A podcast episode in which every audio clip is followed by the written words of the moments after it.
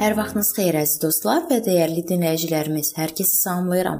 Mənim adım Sona və sizi Allahla 5 dəqiqə adlı podkastımızda xoş gördüm.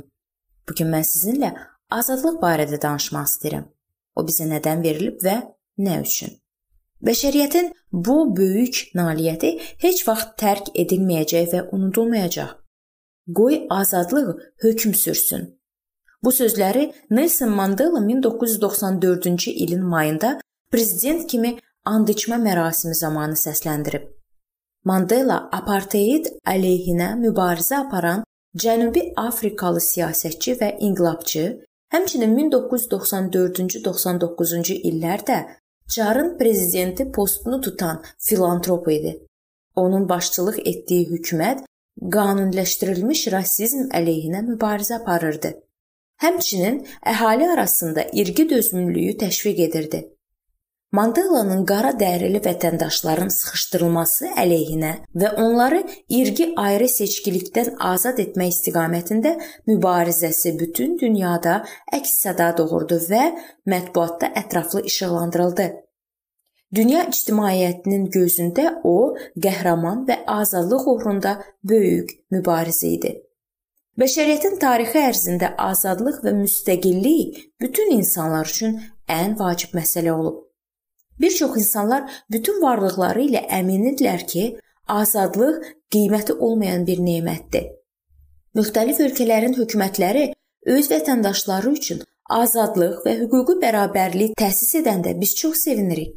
Bir çox ölkələr və xalqlar əvvəllər onların üzərində hökmranlıq etmiş başqa xalqdan və ya dövlətdən müstəqillik gününü təmtəraqla qeyd edirlər.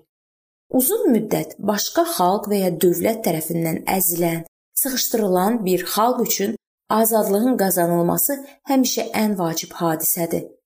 Əzilən xalqların şüarı da azadlıq və insanlar arasında bərabərlik çağırışı olub. Amma həqiqətənmi hər növ sərbəstlik və müstəqillik mütləq şəkildə müsbət amildir?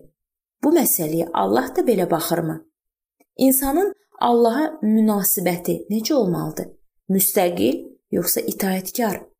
Müqəddəs kitabı oxuyanda insanın öz müstəqilliyini göstərmək cəhdləri ilə bağlı nümunələr görürük. Yaradılış kitabı 3-cü fəsildə şeytan Həvvaya deyir ki, Allahın qadağalarına tabe olmaq heç də vacib deyil. O Həvvanın ürəyində Allahdan müstəqil olmaq istəyi oyadıb onu Allahın hakimiyyətinə etiraz və şübhə etməyə çağırmağa başladı. Allah bizi azad iradəli yaratdığı üçün bu həqiqətən də bizə seçmə imkanı verir. Ona itaat etmək, yoxsa ona qarşı üsyan qaldırmaq. Həvva düşünürdü ki, öz ürəyində hökmranlıqdan qurtulub. Əslində isə bir hakimiyyəti digərinə dəyişmişdi. Ona elə gəlirdi ki, Allahın hakimiyyətindən azad olub Amma o təsadüfən özünü əsarətdə və şeytanın xidmətində tapdı. O ümid etdiyi azadlığı almadı. Amma mən indi təsvir etdiyim Allaha qarşı çıxma kainat tarixində ilk hadisə deyil. Müqəddəs kitabda şeytanın bir dəfə Allahla qarşı durmaya getməsindən danışılır. O Allah kimi olmaq istəyirdi və ona qarşı çıxdı.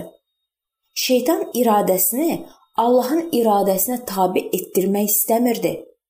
Yeşaya 14-cü fəsil 12-dən 14-cü aya qədər belə deyilir: Ey parlaq ulduz, Dan oğlu, necə də göylərdən yerə düşdün. Ey millətləri tapdalayıb keçən, necə də yerə yıxıldın. Sən ürəyində dedin: Göylərə qalxacağam. Taxtını Allahın ulduzları üzərində ucaldacağam şimaldakı yüksək yerdə, toplantı dağında oturacağam. Və şeytana nə oldu? Onun aqibəti necə oldu? Bu barədə və azadlıq barədə daha dərindən biz növbəti görüşümüzdə araşdıracağıq.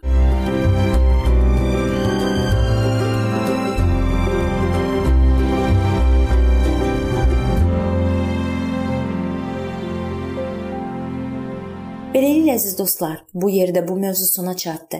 Hər zaman olduğu kimi sizi dəvət edirəm ki, bizim podkastlarımızı Facebook səhifəmizdən və YouTube kanalımızdan dinləməyə davam eləyəsiniz. İndi isə mən sizinlə sağollaşıram. və növbəti görüşlərdə görmək ümidi ilə sağ olun, salamat qalın.